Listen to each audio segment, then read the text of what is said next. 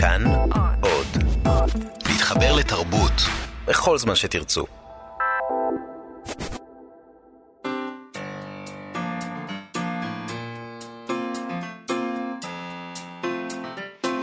מה שכרוך עם יובל אביבי ומה יעשה לה. צהריים טובים ושבוע טוב, אנחנו מה שכרוך בכאן תרבות. תודה שהצטרפתם אלינו לתוכניתנו הראשונה לשבוע זה. אה, אפשר להזין לנו ב-104.9 או ב-105.3 FM. אפשר גם לשמוע אותנו באמצעות יישומון כאן אודי, שזמין בחנויות האפליקציות השונות. חינם אין כסף, פשוט תורידו את זה. ותהנו. אגב, מגוון uh, תוכניות, לא רק התוכנית שלנו, למרות ששלנו היא הטובה ביותר, בארץ ואולי אפילו בעולם, אבל יש שם עוד המון תוכניות ממש טובות. האוורד סטרן נהנה בכיסאו באי נוחות. אוקיי, okay, איתנו באולפן אריאל בן דוב, גיא פלוויאן, uh, שעושים איתנו היום את התוכנית, וכמובן יובל אביבי, שלום לך. שלום, מאיה סלע? על מה אנחנו נדבר היום? תשמעי, באפריל, uh, בסוף אפריל, תחילת מאי, חוגגים בעולם uh, את היום הולדת. אני יודע שאת לא אוהבת... Uh, לציין ימי הולדת של אנשים שכבר הלכו לא, לעולמם. לא, אבל פה זה משהו מיוחד. פה זה משהו קצת אחר, מדובר באדם uh, מוכר בשם וויליאם שייקספיר.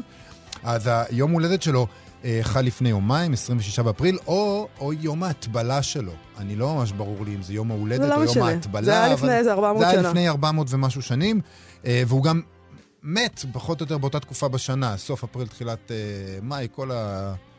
כל התקופה הזאת מאוד שייקספירית, uh, תקופה שייקספירית של השנה. אז לרגע למאורע המשמח הזה, נדבר קצת עם המתרגם uh, ערן צלגוב על ההוצאה המחודשת של איטיאל הכושי מוונציה.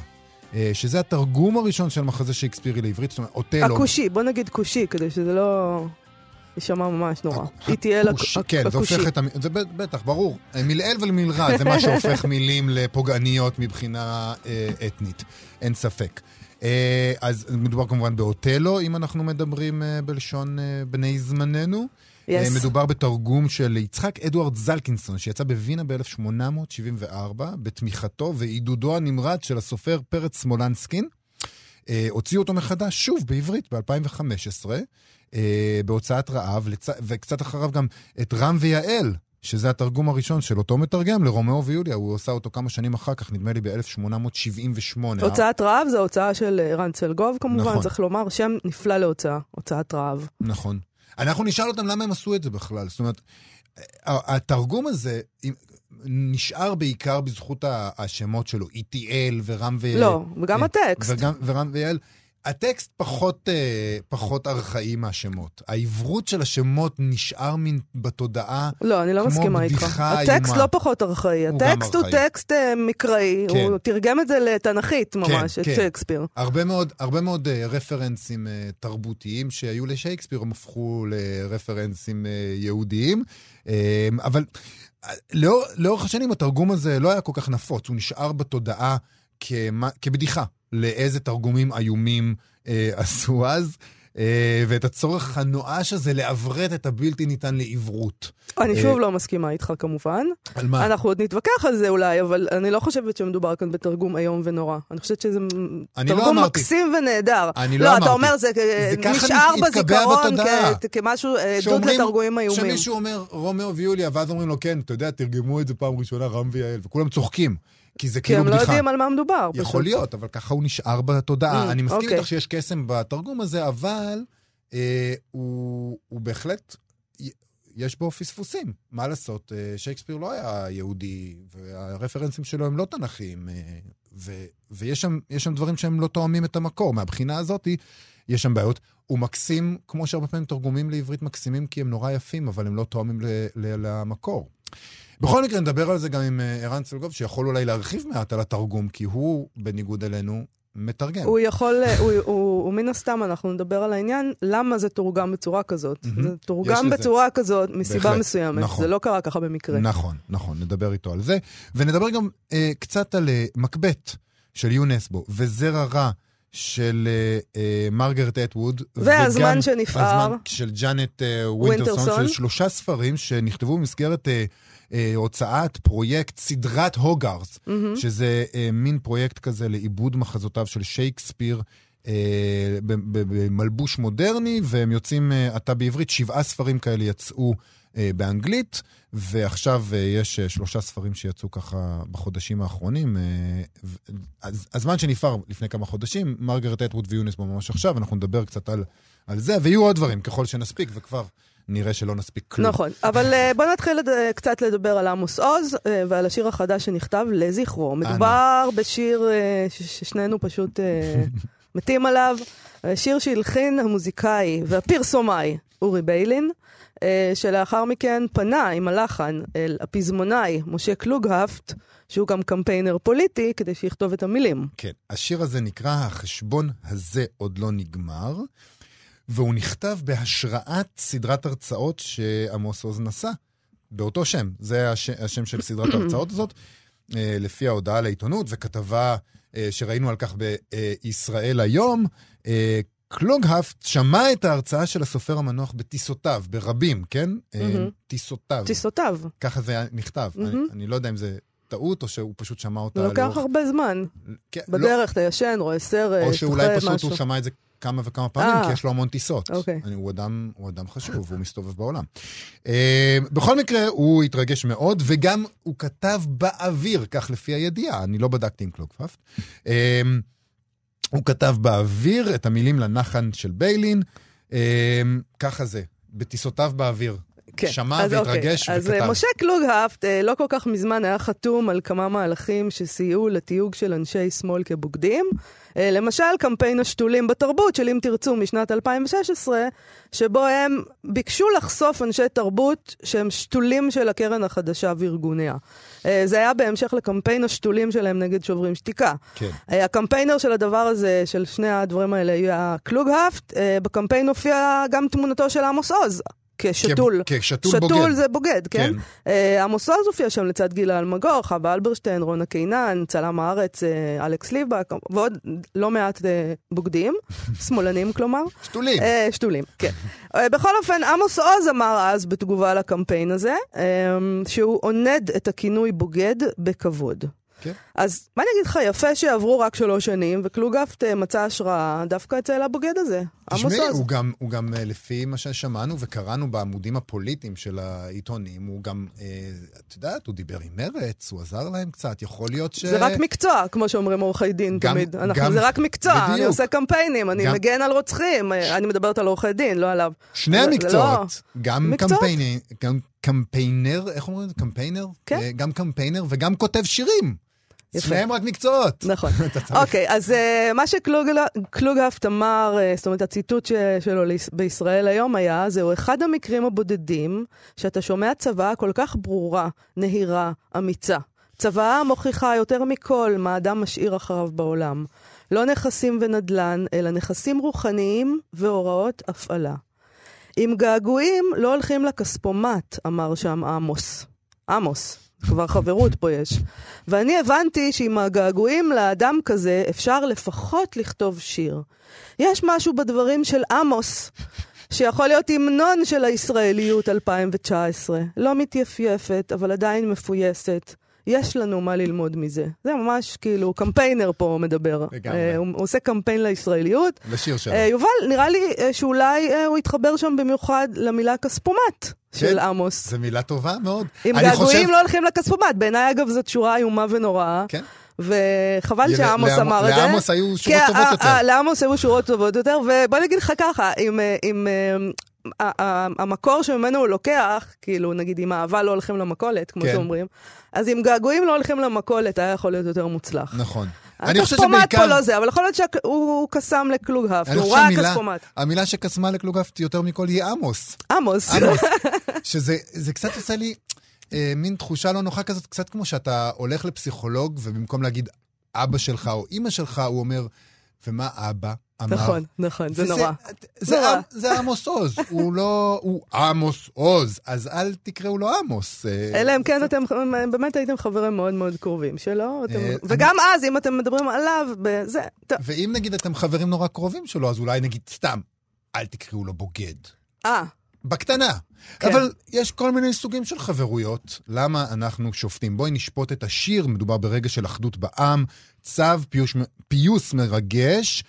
אז uh, כמובן שלא נותר לנו אלא לקרוא את מילות השיר החדש שכתב קלוגהפט בלי טיפה של ציניות. אני מאמין לו דרך אגב, הוא כתב את זה בלי טיפה של איך, ציניות. למה אתה מאמין לו? אני חושב ככה, אני חושב שהוא כתב את זה בלי טיפה של ציניות, וככה אני גם אקריא את זה עם הרבה רגש אז וכבוד. כל, המ... כל המהלך פה הוא ציני. ב... ב... לא, המון, המון כבוד כאילו? למורשת ברור. הרוחנית והפוליטית. של עמוס. אז אני רוצה uh, לקרוא את השיר הזה. uh, בבקשה, שירה צרופה. כן. אני, אני, לפני השידור אני רוצה לספר למאזינים שאנחנו התלבטנו כיצד להקריא את הדבר הזה. עד כמה, איך, איך צריך להקריא את הדבר הזה. אני חושב שאנחנו צריכים להקריא את זה כמו שמקריאים שירה. בבקשה. שב, הוא אמר, אני מאוד עייף. מחוג הזמן שורף. אין עוד רגע מיותר. ותבין, הוא חזר, אין עוד הזדמנות. פחד, זו טעות. אין עוד רגע מיותר. החשבון הזה לא נסגר. לא נסגר. כל דקה מגיע מחר, פה מתחיל ושם נגמר. די לשחזר, הלב סוחב הכל, לא צריך לסבול, אתה יכול כבר לשחרר. אל תחפש בתוך המרחב את מה שנעלם, אבד לך בזמן, מזמן. החשבון הזה לא נסגר, לא נסגר, כל דקה מגיע מחר, פה מתחיל ושם נגמר. אהבת פעם אישה אהבת נעורים, האהבה הגדולה של חייך. אתה לא יכול לשכוח אותה, אולי אתה גם מרגיש שהיא לא שוכחת אותך. אל תלך אליה הביתה ותגיד לה את שלי. כתוב עליה ספר, כתוב שיר. את מה שאבד לך בזמן, אל תנסה לחפש במרחב. החשבון הזה לא נסגר, לא נסגר. כל דקה מגיע מחר. פה מתחיל, ושם נגמר.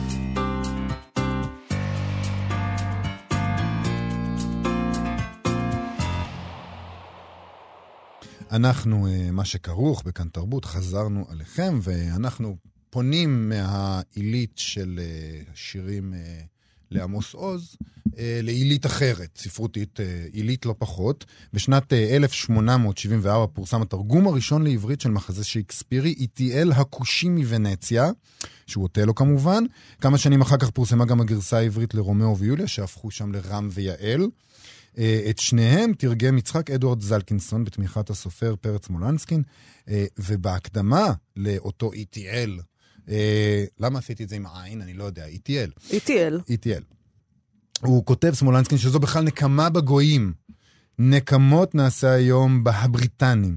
המה לקחו את כתבי קודשנו ויעשו בהם כאדם עושה בשלו, העתיקום, פיזרום לכל אה, קצות הארץ כמו להם המה, וגם אנחנו אה, נשלם להם היום בעלתם אל חיקם, כי ניקח את הספרים היקרים ביניהם ככתבי הקודש, את חזיונות שייקספיר ונביאם, ונביאם לאוצר שפת קודשנו, ואם לא מתוקה הנקמה הזו. חתיכת האמת מחמא... מתוקה. מתוקה, וגם זאת חתיכת מחמאה לשייקספיר, המילים האלה, כאילו, זה ספרי הקודש שלהם. עכשיו, התרגומים האלה, בעיקר השמות שלהם, כמו שאמרנו קודם, איטיאל ורם ויעל, שוב עשיתי עין, למה? איטיאל. Uh, התרגומים האלה שימשו לאורך השנים בעיקר כבדיחה על העברות האובססיבי ותרגום קלוקל, uh, ולא ניתן היה להשיג אותם, ממש, רק, uh, רק זכרו אותם, עד שלפני כמה שנים הוצאת רעב uh, הוציאה אותם לאור, שוב, בעריכה של uh, אילן בר דוד וערן צלגוב ונוגה שבח, והם טענו, שם דווקא, שככה הם כותבים, מופת, שזה מופת לתרגום ולשירה. אין זה עוד תרגום לשייקספיר, זו מהפכה של ממש. Uh, באחרית הדבר שכתב אז עמינדב דיקמן, הוא טוען, לאנשי ספרות, לחכמי התרגום uh, ולחוקרי תולדות הספרות העברית מעולם לא היה זנקינסון בבחינת אלמוני. אין היסטוריה ראויה לשמה של השירה ותרגום השירה העבריים שלא יוזכר בשמו בכבוד הראוי לו. אז uh, לרגל יום הולדתו uh, של שייקספיר, שמת לפני 403 שנים, ממש ב- בימים אלה, החלטנו לדבר קצת עם המשורר, המתרגם והעורך רן צלגוב על התרגומים האלה. שלום ערן. אמ, ספר לנו קצת אה, על התרגומים האלה מעבר למה שאמרנו. מה גרם בעצם... כן, מה זו הנקמה הזאת? מה זאת הנקמה, בדיוק. מה גרם לו לעשות את זה? אנחנו מדברים על המאה ה-19, וחסר לספרות העברית חומר, חסר לה מודלים שיכולה לעבוד איתם. אז יש מפעל תרגומי גדול של יצירות לספרות העברית, כמו איזה חממת תרבות כזאת. אם אנחנו לא יודעים עדיין איך לכתוב, בואו נתרגם הרבה. כן. אז סמולנסקין פונה ל... לאיש המבריק ההוא שהסתתר מאחורי הראשי תיבות יהודה עין סבא, ואומר לו, בבקשה, בואו נעשה את המפעל המבורך הזה, בואו נביא שייקספיר סוף סוף, סוף לספרות העברית. ומה הנקמה פה? למה, למה, למה, למה, איך זה, איך זה מתבטא הנקמה? זה כל כך... זאת אומרת, למה בוחרים דווקא בשייקספיר ככתבי הקודש של הגויים? אני חושב שזה מעניין, כי זה באמת, זה הפתח דבר הזה של פרץ סמולנסקי, שכאילו מכשיר את היצירה המאוד לא יהודית הזאת אל תוך הספרות העברית. אה, זה מניפסט של ספרות מהפכנית. זאת אומרת, הם לוקחים לנו את, לא לקחו לנו את התנ"ך ותרגמו אותו. עכשיו אנחנו לוקחים משהו שווה ערך. אז יש פה כמה דברים מאוד מהפכנים בתפיסה שלו. הוא גם מתייחס לשייקספיר כאל כתבי קודש, וגם אל כתבי הקודש, התנ"ך, הוא מתייחס כאל ספרות. Mm-hmm. כאל משהו, ראייה חילונית, לא משהו כקדוש, אלא כמשהו שאפשר, כנכס תרבות. הוא אומר, הם לקחו, אנחנו לוקחים. זה מלחמת תרבות, אנחנו עכשיו מחזירים אלינו משהו כדי להתקדם הלאה. עכשיו, זלקינסון הזה, אה, הוא גם סיפור בפני עצמו, אה, שאולי אה, גרם, גורם לזה שהוא כתוב בראשי תיבות בעצם רק. תספר לנו עליו קצת. אז הוא יליד אה, תחילת המאה ה-19, 1820. הוא היה תלמיד מבריק, שקדן מאוד, אה, מוצלח מאוד, שחיפש את גורלו כמו הרבה יהודים באותה תקופה, הייתה לו אימא מרשעת כמו באגדות. החליט שהוא נודד והוא רוצה להגיע לארצות הברית. כן, ללמוד בארצות הברית, ללמוד, אה, ובדרך הוא פוגש כל מיני אנשים, נחשף לתרבות משכילית, הוא היה אדם דתי. כשהוא מגיע ללונדון, הוא, אין לו גרוש, הוא עני מרוד, וזוג אה, יהודים, או מה שהוא חשב שהם יהודים, עוזר לו. אוקיי. Okay. שהיה זוג יהודים מיסיונרים, והוא נשאר אצלם, למד אצלם, ובסופו של דבר המיר את דתו. וזו הסיבה שהוא כנראה נמחק מההיסטוריה של הספרות העברית. כאילו אה. מכירים, כמו שציינתם בהתחלה, מכירים את הסיפורים על אה, רם ויעל, על איטיאל הכושי, אבל שרפו את הספרים האלה, מחקו את הספרים האלה, הרסו.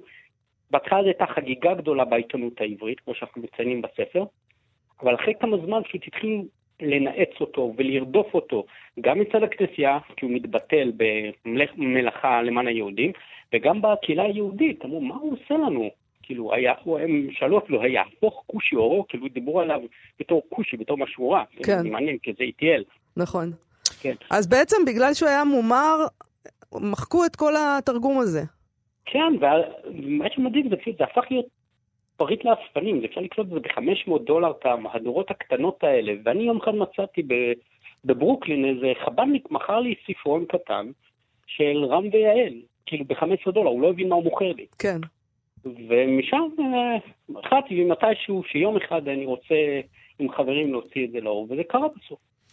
תגיד, בכל זאת, כשאנחנו קוראים את, ה, את הטקסט הזה, יש ניסיון ככה בתוכו לייהד קצת את שייקספיר ולקחת אותו, לקחת רפרנסים אה, שלא תמיד נמצאים אה, בטקסט המקורי. המודל של התרגום באותה תקופה היה מאוד לשמור על התרבות העברית כעברית, לשון צחה כמה שפחות גורמים מבחוץ. וזו התמודדות קשה איתה לתרגום. ולהד עוד פעם, זה מעניין, כי הוא היה יהודי מומר כאמור, אבל כן, הוא ניסה, התרגום הראשון נטייה לכושי הוא על טהרת התנ"ך בלבד. שבבי פסוקים מהתנ"ך נכנסים והופכים להיות שייקספיר. זה יצירה הכל... בעצם אה, בפני עצמה, זה, זה מה שזה. אני חושב שכל תרגום, אם אתם מכירים כבר אותי, אז אה, כבר דיברנו פעם, נכון. אז כל תרגום הוא יצירה. כן. אבל כאן ממש כן. הוא לוקח לעצמו חירות להכניס דברים שלא קיימים שם בכלל. אה, גם חירות להכניס וגם אפילו עוד יותר מזעזע מבחינת האסתטיקה של תרגום מודרנית, הוא מחליט שהוא מוריד דברים. כשהוא mm. מתרגם את רומיו ויוליה, וקורא להם רם ואל, הוא אומר, חלק מהדברים היו גסים מדי לעברית, הורדתי. חלק מהדברים היו קשים מדי, אז השמטתי. הוא מודה בזה בהתחלה, התחלה. ואתם לא החזרתם, כמובן. איך הם יכולים להחזיר? מה שלא קיים. הם מציינים את זה שם, שזה הפריע להם, הפריע לכם, אבל לא עשיתם שום מהלך של שכתוב של הדבר הזה.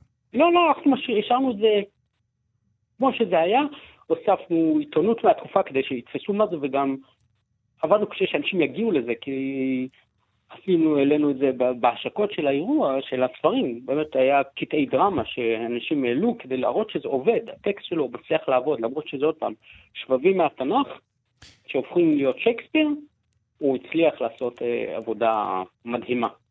אתם מדברים על התרגום הזה שהוא אה, מופת לתרגום ולשירה, ככה אתם כותבים. אה, מצד שני, כשקוראים את התרגום הזה, לפעמים יש, כאילו, מי שמכיר את שייקספיר ככה קצת מתכווץ. למשל, אה, אה, המפלצת אה, ירוקת העין, הקנאה נעלמה בתרגום הזה. אה, The Green Eye Monster הופכת לרוח הקנאה כי רקב כתבו. אוקיי, אבל אנחנו רואים פה שזה תרגום פרשני בעצם, נכון? רקב הוא ירוק. נכון, נכון. נכון. הוא, הוא משחק, הוא, הוא רוצה לשמור על המשקל והחרוז הרבה פעמים. אולי לא הייתה אז המילה הזאת מפלצת. יכול להיות. במאה ה-19. קודם כל, יכול להיות שלא הייתה את המפלצת. צריכה לבחור שד או משהו. כן, היו נכון. מילים שהוא יכל לבחור. אבל למשל שהוא מתרגם את המפגש הראשון בין רומיו ליוליה, זה מפגש שהוא, שפעם ראשונה שייקספיר שובר את המודל של הסונט, והוא בונה סונט שהוא כדו-שיח. בתרגום שלו, זלקינסון הצליח לשמור על התבנית של הסונט, אז זה כאילו... הוא מאוד... שיפר את שייקספיר. אה, לא, לא, זה לא שייקספיר משופר, שזה יצא אחר כך ביידיש, אבל הוא שמר על המודל של הסונט, הוא כאילו בדק את המבנה של החרוז, התעכב על כל מילה, כדי שזה יצא לו במשקל כמה שיותר קרוב, שזה כבר בעיה יותר, אבל החרוז נמצא שם. אבל, אבל בכל זאת, למי שרוצה לקרוא שייקספיר, היית ממליץ על התרגום הזה? אה, כן, אני חושב שכן, כי עוד פעם, עשינו עם בית ספר גודמן, עשינו אירוע שבו הקריאו אה, מספר תרגומים, כולל את התרגום הזה בכמה קטעים, קטע המפגש הידוע במרפסת של רם ואל, ואנשים מאוד נהנו וראו שהם מבינים גם את השקספירית בערך של זלקינסון. אני חושבת שזה תרגום מקסים, שאפשר לקרוא אותו לצד uh, תרגומים אחרים. Uh, בכל מקרה, שייקספיר זה דבר ששווה להתעמק בו. Uh, למי שרוצה, למי שרוצה לקנות את הספרים האלה, את התרגומים האלה, זה נמצא בכל הרשתות? לא, אנחנו כהוצאת רב בוחרת בהוצאות, בחנויות הפרטיות, ודרכנו ישירות, אפילו עכשיו יש לנו מבצע. שני הספרים, והם ספרים גדולים מאוד, במחיר אה, לכבוד אה, יום הולדתו של שייקספיר עד סוף החודש ב-65 שקלים עד הבית. Mm. שייקספיר מש... גם, גם אה, משתלם בנוסף לכל. תודה רבה, כן. רן צלגוב. תודה רבה לכם. להתראות. אה, יום טוב. יום טוב.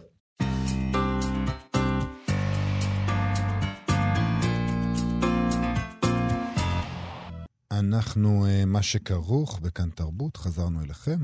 אנחנו ממשיכים עם יום הולדתו ומותו של ויליאם שייקספיר, המחזאי האנגלי הידוע, ובימים אלה אה, מתפרסמים תרגומים אה, לכמה כותרים מתוך הסדרה הזאת, הוגארט, של, אה, זה מבית הוצאת אה, פינגווין רנדום האוס, זו סדרה שבה אה, סופרים וסופרות התבקשו לכתוב עיבודים עדכניים למחזות של שייקספיר, סדרה שהושקה לרגל אה, שנת ה-400 למותו, לפני שלוש שנים. נכון. ועכשיו סוף סוף אה, זה מתרגש עלינו בעברית. נכון, אז עד עכשיו התפרסמו בעברית שלושה ספרים מהסדרה, אה, שמונה שבעה כותרים. בעברית כבר יש לנו על המדף את הזמן שנפער של ג'אנט ווינטרסון, שהוא עיבוד של המחזה אגדת חורף. זה יצא בהוצאת חרגול בתרגום של מיכל אלפון. Uh, עוד ספר שיש לנו בעברית הוא זרע רע של מרגרט אטווד, שהוא עיבוד להסערה, וגם אותו תרגמה לעברית מיכל, על, סליחה, מיכל אלפון. Uh, הוא ראה אור גם בהוצאת חרגול, ומקבט של יונסבו, שראה אור בהוצאת ידיעות ספרים ובבבל, בתרגומה של דנה כספי. עוד ספרים שיצאו uh, בסדרה לא פה, ואולי יצאו פה פעם, זה Shylock is my name של האוורד ג'ייקובסון, uh, עיבוד שלו לסוחר מוונציה. ויניגר uh, גרל של אן טיילר, עיבוד לאילוף הסוררת, New Boy של טרייסי שבליה לאוטלו, ו Dunbar, עיבוד של אדוארד סנט אובין להמלך ליר. על הספר uh, של ג'אנט ווינטרסון כבר כתבו פה ביקורת, כתב בתחילת החודש רועי בית לוי ביקורת בהארץ, שבה הוא טען כך: ווינטרסון ניגשה למטלה שלפניה כמו תלמידה שקדנית וחדורת מוטיבציה, ללא כל ציניות פוסט-מודרניסטית וללא קריצה משועשעת של מודעות עצמית או אפילו חדוות קרב פוליטית. הרעיון שלה ברור למדי, להעביר את אגדת חורף למציאות של ימינו, או כדבריה, לכתוב גרסת כיסוי למחזה. אם תרצו, מדובר במיזם של הנגשת שייקספיר לקהל חדש. לא פחות מכך, אבל גם לא הרבה יותר מזה. טוב, בגרדיאן אה, אה, לא הסכימו עם רועי בית הלוי. הם חשבו שמדובר בספר חכם ושנון, ושלמרות הנאמנות שלה לשייקספיר, היא מצליחה כנגד כל הסיכויים להחזיק את הקורא. ייתכן שרועי בית הלוי יותר יאהב את הספר של יונסבו, אה, שהתאים את מקבט לימינו. יונסבו כותב על מפקד משטרה שהשחית את העיירה. אה, וסוף סוף מת, ככה זה מתחיל במותו.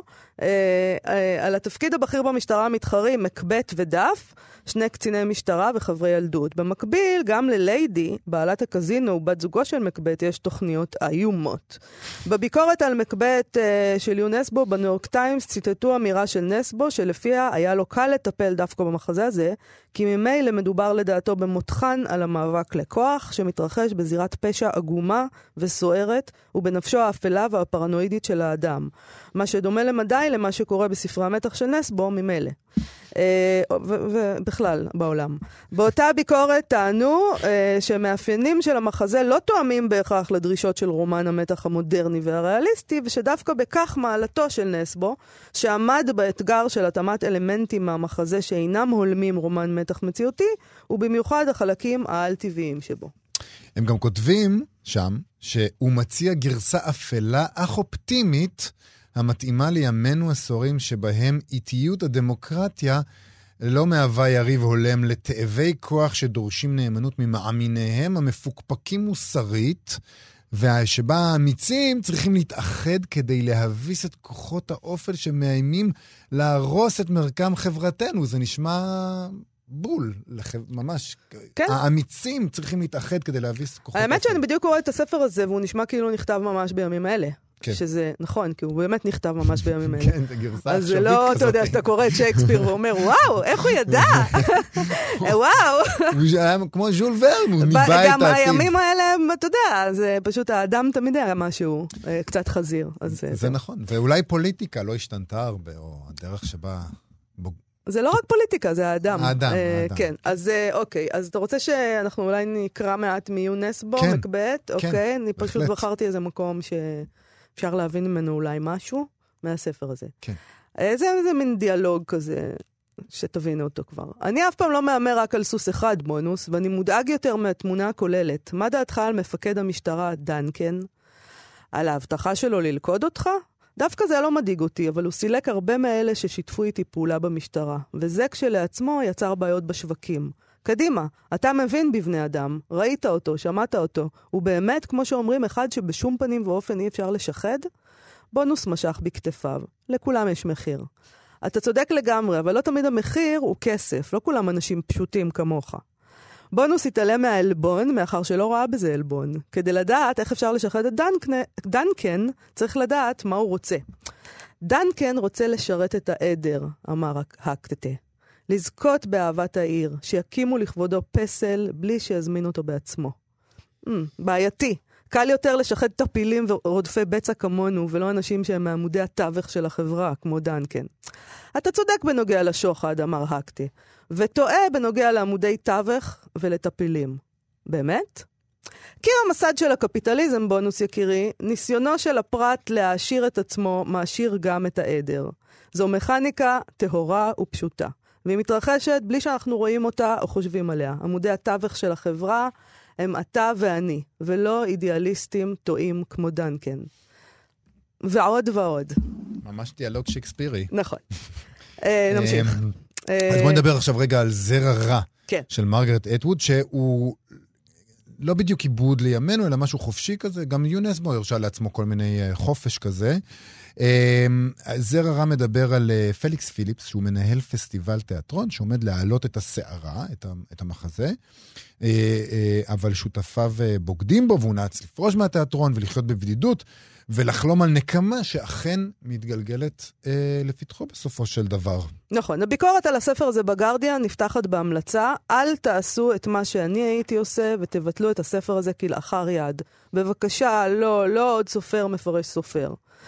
נכון שעם כל השכתובים והעיבודים של שייקספיר ואוסטן שנזרקים בתדירות על הקוראים בימינו, קל להיות ציני. אבל אוהדי אטווד לא יופתעו שלזלזל ביכולותיה תהיה טעות גדולה. עוד כותבים בביקורת הזו שהספר מרגיש כמו משהו שאטווד הייתה כותבת בכל מקרה. השעשוע והשמחה נשפכים מכל עמוד. נכתב שם שאטווד בחרה בסיפור שהיה יכול להיות דביק, אבל היא הופכת אותו ליוצא דופן. זה, הסערה היה יכול להיות דבר דביק, אבל אטווד הצילה אותו. אני, אני מתפלא שסופרים בסדר גודל של יונסבו וג'ייקובסון ואטווד מתפתים לתרגילים הספרותיים האלה. זה תמיד נראה לי כמו משהו שלקוח מסדנת כתיבה, כמו מתכון לאסון, משהו ש, ש, שהוא חובבני כזה, ו, וסופרים שמוכנים להצטמצם לתבנית כזאת תמיד נראים לי כאילו הם בוגדים ביצירתיות שלהם, וכאילו הספרות משנית לטוויסט של הפרויקט. כמה אתה יכול להיות נאמן לעצמך כשזה מה שמגדיר לך את גבולות הגזרה?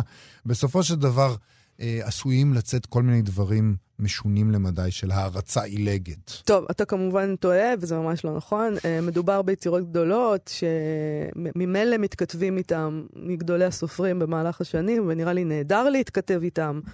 ולפחות האנשים שאוהבים לשחק יכולים. ליהנות מהמעשה המשחקי הזה, מלכתוב אה, את זה ומלקרוא את זה, אה, וזה שאתה לא אדם משחקי זה, זה דבר ידוע. אה, אנחנו מדברים פה בשייקספיר.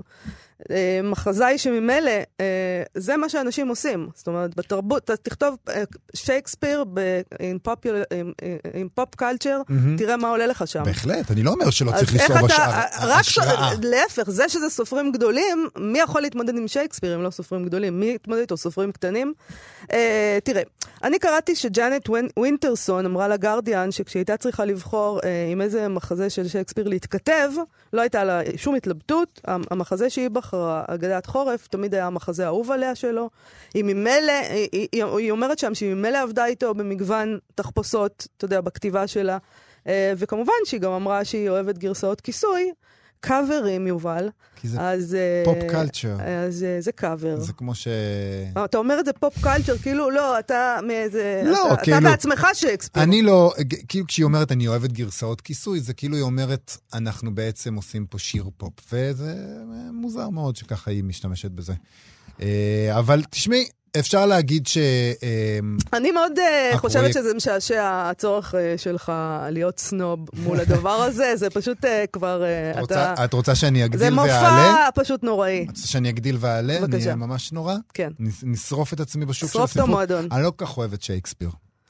אני חושב שהרבה מה... אני לא כל כך אוהבת לא, שייקספיר. לא, לא, לא כל כך. כאילו... אני חושב שחלק מה, מהמחזות שלו הם נורא טלנובלים, וזה לא נעים לי. דווקא הסערה זה מחזה מצוין. אני לא כל כך אוהבת שייקספיר, זה לא נעים לי. כן, אה, לא נעים לי. רומאו ויוליה, המון טלנובלה. אם הייתה לי איזושהי סמכות באולפן הזה, כן? זה הרגע הגמור שבו היית עף החוצה.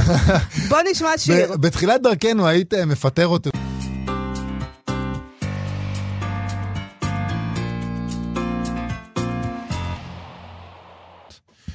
וחזרנו אליכם עם פינת ביקורת הביקורת, שבה נדבר על ביקורת מישראל היום, שכתב אה, עומר לחמנוביץ', אה, שהוא גם עורך מדור הספרים שם, אה, על הספר על הרודנות, 20 לקחים מהמאה ה-20 של טימותי סניידר, שיצא בקיבוץ המאוחד בתרגומו של אברהם קנטור. פרופסור טימותי סניידר הוא היסטוריון נודע מאוניברסיטת יל. הספר הזה יצא בארצות הברית בשנת 2017, אחד מהתגובות הנגד לדונלד טראמפ ולסכנות שהוא מביא איתו, לפי מה שסניידר טוען. וכשהספר הזה יצא, הוא זינק הישר על רשימות רבי המכר. אה, בוושינגטון פוסט נכתב עליו, זהו ספרון צנום שיכול לשבת ליד גרסת הכיס של החוקה האמריקאית, והוא רק טיפה פחות חיוני ממנה. אה, סניידר, שהתראיין אז ללא הרף על הספר הזה, אמר לביל מאר, שהוא... אה, בתוכנית האירוח שלו, שהוא מסרב לצחוק על הבדיחות שלו, על הדמיון בין אה, טראמפ אה, למנהיגי העולם השלישי. בעולם שלך, אלה דיקטטורים מהעולם השלישי, אבל בעולם שלי מדובר בשנות ה-30 של המאה ה-20. ככה הוא אמר לו, וההשוואה ברורה. Uh, סניידר כנראה לא שמע על זה שאסור להשוות. ולחמנוביץ' בביקורת מזכיר ספר קודם של סניידר, ארצות דמים, שעסק במלחמת העולם השנייה, ולדעת לחמנוביץ' סייע למחברו לגבש מבט תבוני ומעמיק על הקרביים הפסיכו-היסטוריים של הדיקטטורים, לבחון את, תחנות, את התחנות הפזורות לאורך מסילת הרודנות. אתה, בספר הזה, מסביר לחמנוביץ', נוטש סניידר את המסמך ומדבר מן הפודיום. כך זה נשמע, כך זה נקרא ונשמע, כדרשות שיש בהן מן התוכחה והאזהרה. מדריך תמציתי ובהיר שמציע 20 לקחים מהמאה ה-20. למעשה הלקחים מנסחים עצות. העצה הראשונה היא אל תצייתו מראש. בעוד האחרונה היא, היו אמיצים ככל שתוכלו. לחמנוביץ' מסביר שבספר האמת היא הנושא המרכזי, דבר ההופך אותו לחיבור רלוונטי לזמן ולמקום הנוכחיים. בעצה העשירית בספר, האמינו באמת, נעזר סניידר ביומני המלחמה של הבלשן היהודי-גרמני ויקטור קלמפרר, שהדגימו כיצד האמת מתה בארבע דרכים. אה, עוינות גלויה על המציאות שאפשר לאמת אותה, כישוף שמאני, חזרה אינסופית על מושגים שמטרתם לצייר את הבדוי כמתקבל על הדעת. חשיבה מגית, תתמסר לרגשות שלך, צריך להתרכז תמיד בגדולתו של הפירר, ולא לחשוב על אי הנוחות שאתה חש כרגע, אמר לקלמפרר תלמידו ב-1933, והדבר הרביעי, אמונת שווא, שבה האמת הופכת להיות עניין של נבואה ולא של עובדות. והוא ממשיך וטוען בביקורת הזאת שהרגע הזה, שבו העובדות משניות לרגש, מאפיין פוליטיקה של פוסט-אמת. סניידר מזהיר, לפי לחמנוביץ', כי המצב עלול להופכנו לעדר שלא מבדיל בין פרטיו, הוא כולל שם ציטוט שמהספר, יכולתו של אדם להבחין בעובדות היא שעושה אותו לאינדיבידואל, והאמון הקולקטיבי שלנו בידע המשותף לכל, הוא שעושה אותנו לחברה. ולפי הביקורת, סניידר גם אומר שהשפה היא חלק חשוב בקרב נגד הרודנות, כי כדי להגדיר מה אנחנו רואים בכלל, יש צורך במילים שמבהירות משהו שאובייקט חזותי, ונגיד תיאור שטוח של חדשות וחבר... ו... ורשתות חברתיות, לא מצליחים לעשות. נכון. לחמנוביץ' כותב שמדובר במניפסט שנכתב מנקודת מבט ליברלית, לאחר עליית דונלד טראמפ לנשיאות ארה"ב, וממוען עבור קוראים אמריקאים. אבל תהיה זו טעות לשפוט אותו כמעשה אופוזיציוני. להפך, גם קוראים שמרנים יראו בו משנה סדורה, כיוון שמטרתו לתקן את תפיסת הזמן שלנו, שהרי אנחנו שוכחים בקלות. הפוליטיקה של הבלתי נמנע, אותה חשיבה מנומנמת כי משטרים אפלים חלפו מן העולם, היא לדברי סניידר תרדמת אינטלקטואלית מתוצרת עצמית. אלחמנוביץ' מסיים את הביקורת בכך שזהו ספר כיס המיועד לנסיעה בעת מנוסה או במחבוא. כריכת המהדורה העברית שלו מעוצבת באופן זהה למקור, ואף זו בחירה פוליטית. לרודנות אין שפה, ואין זהות לאומית, היא אוניברסלית ומקננת כל העת, אין לה חומה בדמות ויסות עצמי, וכל הפרעה שהיא יוצרת צריכה להדאיג אותנו. ואולי צריך לציין שהביקורת הזאת היא נמצאת אה, כמובן, כאמור, כפי שאמרנו, בין דפי ישראל היום, שידוע אה, בתמיכתו, אה, בתמיכה בלתי מסויגת בראש הממשלה בנימין נתניהו, ו, וכל הדברים האלה שלחמנוביץ' כותב אה, על, אה, אה על, על הפוסט אמת, אה, העובדות משני, משניות לרגש, בעיניי קצת אה, תואמות למה שהתחולל פה לאחרונה, לפעמים, ואפילו ממשיך להתחולל. אוקיי, okay. uh, בריאיון שנתן סניידר לכלכליסט בשנת 2017, uh, הוא אמר כך: זה לא ספר היסטוריה, אלא מניפסט פוליטי. יש רגעים בחיים ובהיסטוריה שהם כאלה.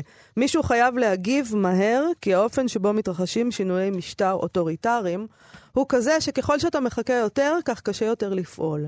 כי אם אתה לא פועל מהר, אתה יכול לשכוח מזה. שינוי המשטר בגרמניה ב-1933 נמשך שנה.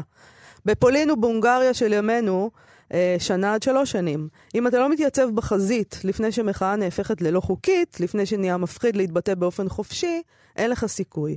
המראיין בכלכליסט, אה, אורי פסובסקי, מאמת אותו עם השליפה האוטומטית הזאת אה, של היטלר ונאצים משק הדימויים של, שלו. כמו שק הדימויים של כולנו, והוא אומר לו, המראיין, אתם השמאלנים מפסידים בבחירות וישר קופצים להיטלר. אתם לא מוכנים לקבל את העובדה שככה הדמוקרטיה עובדת. אתם מג... ומגיבים לבחירות הוגנות בזעקות היסטריות, פשיזם! והוא עונה לו שם. ככה הוא עונה לו, ככה סניידר עונה. בדרך כלל, כאשר מתרחש שינוי למשטר סמכותני מימין או משמאל, זה כולל גם בחירות. היטלר זכה בבחירות והוטל עליו להרכיב ממשלה.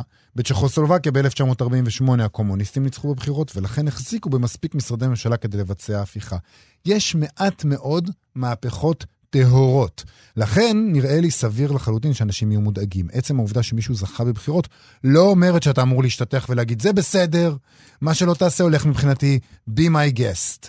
Uh, ויש עוד בעיה עם הגישה הזאת, זה חלק מהתשובה שלו, שהיטלר זה טאבו, אם אתה אה, מדבר עליו אתה איש רע או שמאלן היסטרי, ששומעים הרבה מאנשי ימין. אני אחד האנשים השמרנים באמת, המעטים באמריקה. חשובים לי דברים כמו שלטון החוק. וכל הנקודה היא שהיטלר הוא חלק מקשת של תוצאות אה, אפשריות. מבחינה היסטורית, יותר דמוקרטיות נכשלו מאשר הצליחו. וצריך להיות מודעים למקרים שבהם הדמוקרטיה נכשלה. כל הגישה של אי אפשר לדבר על היטלר, היא בעצם דרך טיפוסית לא לאפשר לאף אחד לדבר על ההיסטוריה. זה סוג של תכסיס. אמ, בהחלט. תכסיס. הגדרה יפה, וזה זמננו לסיים בהחלט. להיום. אנחנו מודים מאוד לאריאל בן דוב וגיא פלוויאן, שעשו איתנו את התוכנית. אנחנו נהיה פה שוב מחר, בשעה 12. להתראות מחר. להתראות. כאן עוד. להתחבר לתרבות